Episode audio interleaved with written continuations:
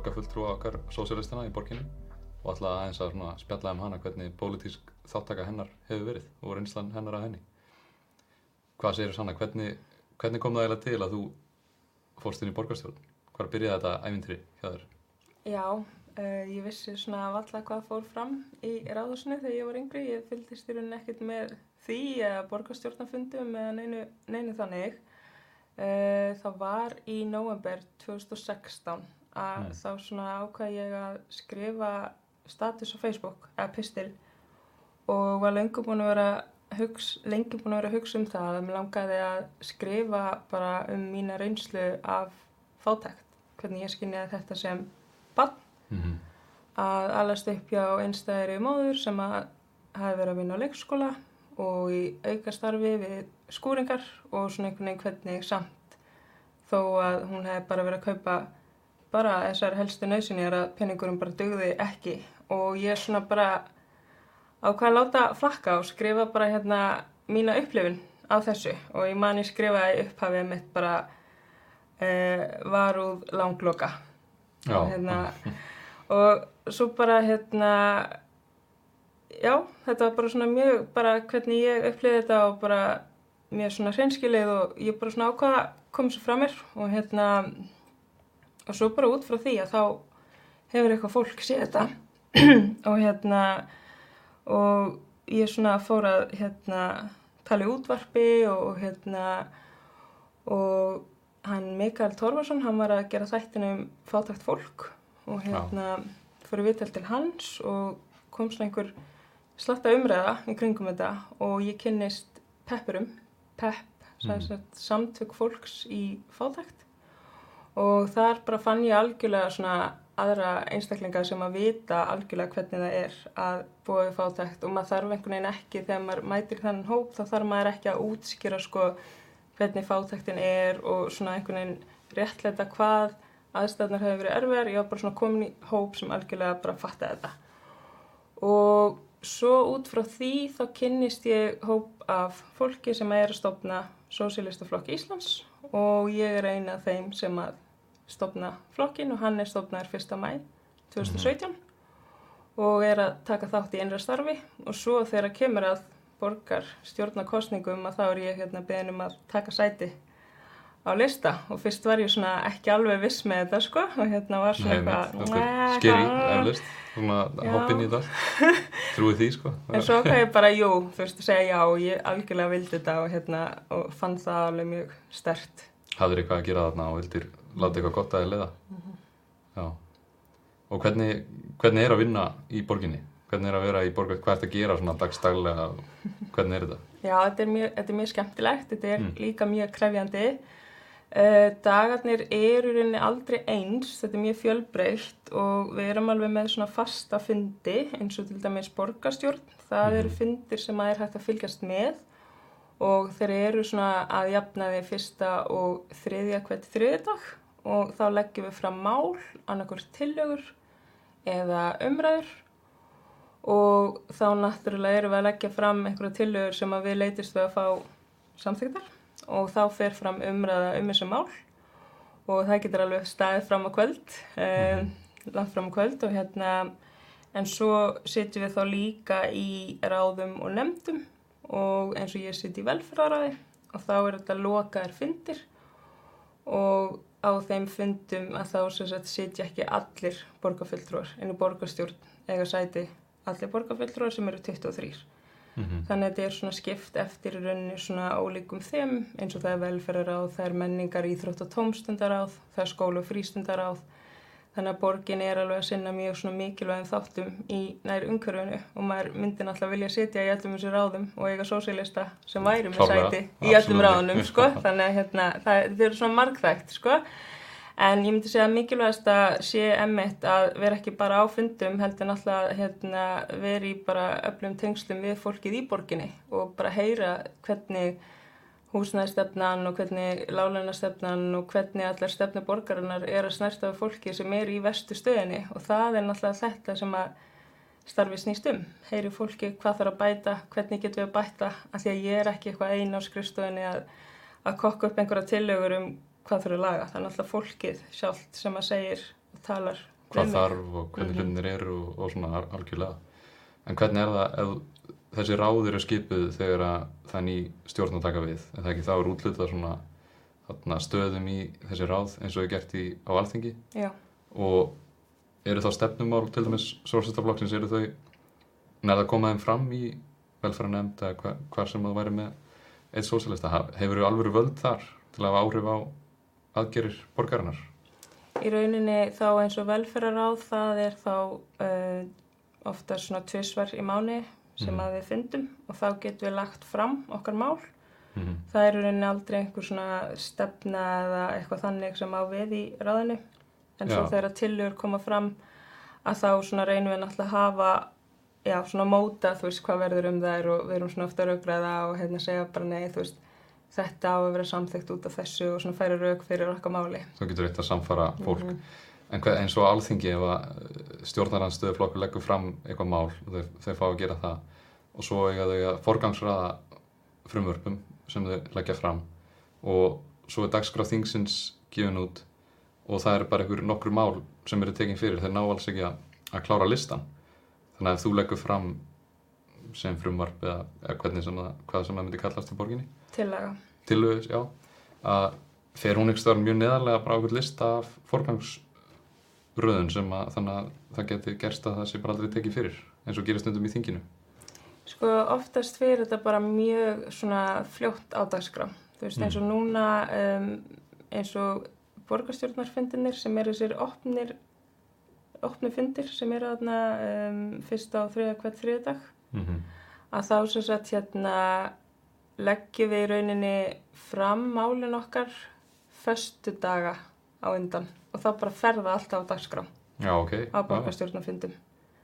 það er aðeins betra en þingið Þannig við erum ekki að sko ákveða fyrirfram í rauninni hvað við ætlum að leggja fram á næsta Mhm. ári. Veist, við leggjum fram málinn, en Mhm. svo til að flækja þetta aðeins meir að þá kannski leggja fram mál inn í einhverju ráði og það getur síðan tekið mjög langan tíma að afgreða það mál út af, ég veit ekki hverju. Þú veist, það Mhm. getur kannski farið í umsagnaferli og svo er því kannski vísað áfram eitthvað lengra að það er kannski verið að segja já þessi þarf að veita umsögn og við þurfum aðeins að hérna, hugsa þetta eitthvað svo leis Þetta klassíska situr í já. nefnd situr í nefnd, ok þannig að það er erfiðara á þessum lokuðum fundum þar sem við leggjum fram tillögur Mhm. þær eru settar á dagskrá það er ekkert eitthvað að vera að fresta eða eitthvað svo leis en það getur verið erfiðara að fá afgreðslu á Mhm. þeim tillögum en í borgarstjórn að þá eru þær afgreðar en við viljum að sjálfsögna alltaf að þær séu þá borðnar upp til afgreðslu Mhm. já eða nei, en stundum er þeim vísa þá inn í eitthvað ráð eins og velferðaráð og til frekari vinslu. Það getur verið jákvægt ef það þarf aðeins að vinna betur með tillöguna eða eitthvað svo leis, en stundum er það neikvægt ef það er verið að vísa áfram og svo er kannski ekkert mikið gert með tillöguna. Akkurat, ég skil. Já, það hljóma kannski aldrei flókið, þetta er alveg Þetta gerir það á einmitt, ég, sem, ég veit ekki mikið um borgarmálun þannig að þetta, þetta er nýtt fyrir mér. Mm og eflust mörgum. Og þarna en hvernig fannst þér þú varst að byrja og, og þessi nýja borgarstjórn tók við? Að hvernig leist þér á stefnuna þeirra og hvernig fannst þau, þér þau vera að vinna að þeim málum sem þau settu á, á brottin Varst þau sammála því sem þau voru að gera var eitthvað sem virkilega stakk í því þessar fyrstu, fyrstu vikur Sko eins og núna eru áttaflokkar í borgarstjórn mm. og um, þeir flokkar sem að mynda meiri hluta eru viðreist, píratar, vafgi og samfélking. Og áður en ég byrjaði þá held ég að þetta væri þannig að við myndum leggja fram mál og þeir borgarfulltrúar sem væri sammála myndi styðja tillögu. Þannig ef ég kem kannski með tillögu um, um gjaldfrálsan grunnskóla, að það ekki er eitthvað fyrir skólamáltir, að þá væri þetta eitthvað málefni sem að hérna, VFG myndi algjörlega vilja styðja af því að það stendur í stefnu þeirra. Mm. En út af því að bara sem dæmi VFG tilheyrir þessu meiri hluta að þá upplif ég svo ofta að meiri hlutin sé að kjósa sem ein blokk. Mm. En þó þetta sé fjórir ólíkir flokkar að þá kjósa þau oft bara rosalega oft eins og eru þá búin að ákveða bara já, við ætlum ekki að samþykja þessa tillögu um gjaldfrjósa skólamáltir af því það stendur ekki í meiri hluta sáttmálunum okkar. Já, þeir eru búin að gera eitthvað svona stjórnarsáttmála Já. og, kjósundur þá eru ekki í raunin að fá fram það sem þau kusu um. Þannig það, já. já, það er bara- meiri hlutin er sam, heldur saman og, og er með þá stefnu sem þau, þau byggu til. og þeir eru alltaf komin með viðreist inn í eitthvað svona samstarf að þá, já, þá hérna, þessi meirulita sáttmáli, hann var í rauninni bara einhverju svona brauðmálar til fátæks fólks og það er náttúrulega sem að við vorum að leggja áherslu á er að þörfum hérna verst settu er þið mætt sem að Mhm. borgin hefur ekki verið að gera, hún er alltaf að skilja fólk eftir í húsnæðiseklu og fátækt fólk er skilið eftir og það er verið að senda innheimtu fyrirtæki fyrir reikninga og þetta er bara valdir gríðarlega álægi og ég geti haldið áfram áfram og Akkurat. þannig að þegar við skoðum innan meiri hlutasáttmála þá sjáum við að þetta eru flokkar sem er ekki að mæta veruleika þessa fólks, þú veist það er ekki talað um Þau, þau, það er eins og þau haldi kannski bara einhverju svona status quo, Mhm. að lítil hreyfing, hlutinir halda áfram bara nokkuð veginn eins og þeir hafa verið að ganga og, og húsnæðismarkaðurinn verður verður og verður og, og þessi vandamál bara hlaðast upp. Já. Þó við séum með pírata og vinstri græna. Þú veist, það eru nefndir svona þættir eins og kannski til að, veist, eins og talað um aðgerra áallun gegn sárafátækt, um, Mm. en ekki svona við ætlum að útrýma fátækt, þú veist, af hverju eigum við ekki, hefum við það ekki að markmiða að fátækt sé bara ekki í Reykjavíkuborg, þú veist. Það er vel hægt akkurat með all, alla þá peninga sem við eigum og, og hvað við erum ríkina á Íslandi. Mm Það er eiginlega bara sorglegt einmitt. Og sérstaklega með pírata og vinstri græna og samfélkinguna sem er alltaf vera frekar félagsig, félagsíkju flokkar og það er skrítið að, að það skulle ekkert vera gert. Uh, voru, og hver voru þá svona helstu áherslumálinn þín þegar þú komst fyrst inn? Að þú, vilt, þú vilt fara í reysa svona verkefni að bara eyða allri fátækt og húsnæðismál, -hmm. gjaldfrjálst í grunnskólum, öllu skólakerfinu, gjaldfrjáls uh, matur í skólakerfinu. Er ég að gleyma ykkur? Er náttúrulega líka burt með útvistun. Uh, Mm. eins og við sjáum til dæmis bara slæmar afleggingar útvistunar að hérna, Strætó BS, það er í eigu sveitafélagana á höfuborgarsvæðinu. Mm -hmm. Það þýðir sem sagt að Reykjavíkuborg er eitt þeirra sveitafélaga sem á Strætó. Um, og það sem að Strætó hefur ákvað að gera er að það með vagstjóra, ræði til sín vagstjóra og, hérna, þeir eru á launum. Og það hefur ákvað að útvista hluta af starfseminni og núna er í kringum 50% sem hefur sagt verið útvistað.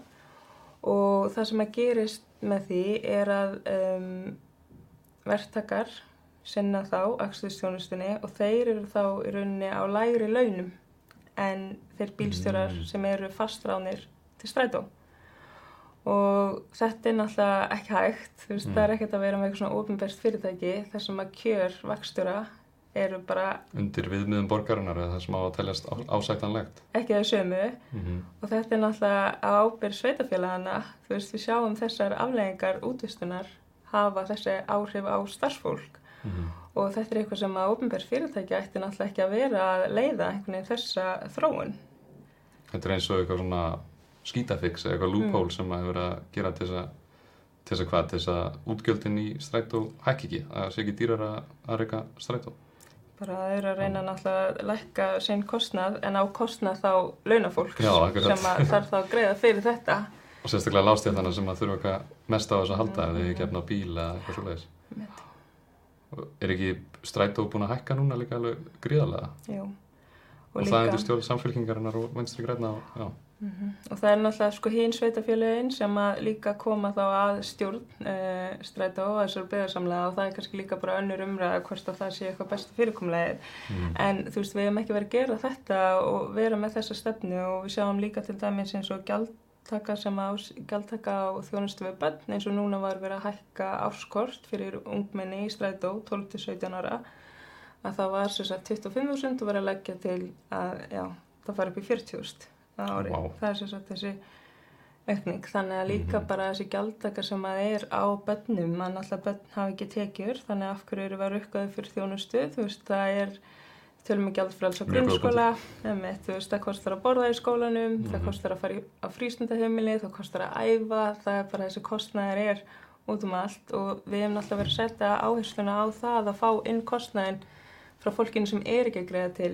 sveitafélag og það er ríka fólkið sem greiðir ekki útsvar af Mm. sínum fjármakstekjum mm, og þetta er ekki eitthvað sem við getum samþygt beint í borginni. Þetta þarf að koma með lögum frá alþingi og þess vegna hefum við sósialistar lagt til að Reykjavíkuborg leiti til hinna sveitafélagana með það markmiði að bara krefjast þess að þetta verði gert, að útsvar verði lagt á alveg eins og er gert með launatekjur. Ég meina við greiðum allir samfélagsins nema ríkafólkið. Þetta er lágmark að vera, ættu við að vera að borga hlutvarslega jafn mikið í skatt. Mm -hmm. og mér finnst ofta með eins og að þau koma oft með eitthvað svona teknilega útlustun á af hverju við getum ekki gert þetta og hitt og af hverju strætó eru að verða svona dýr. En þá akkurat bara ef við verðum með útsvar á þetta hjá ríkafólkina þá, þá ættu við efni á þessu. Þannig að bara skýt með allar þessar teknilega ástæður sem þú ert að segja mér það er bara að þau vil ekki borga meiri pening. Og það er bara, er það ekki svolítið þannig? Það er bara líkur hundurinn grafin Sko það var samþygt að vinna áfram með til og okkar sósélista um að skoða útsvar á mm Mhm. fjármagstekjur en svo einhvern veginn veit ég ekki hvað er að frétta af þeirri tilögu þannig það er líka eitt og það er stundum samþygt að vinna áfram með tilöguna Mhm. en svo bara svona er eins og þetta týnist eitthvað í kerfinu.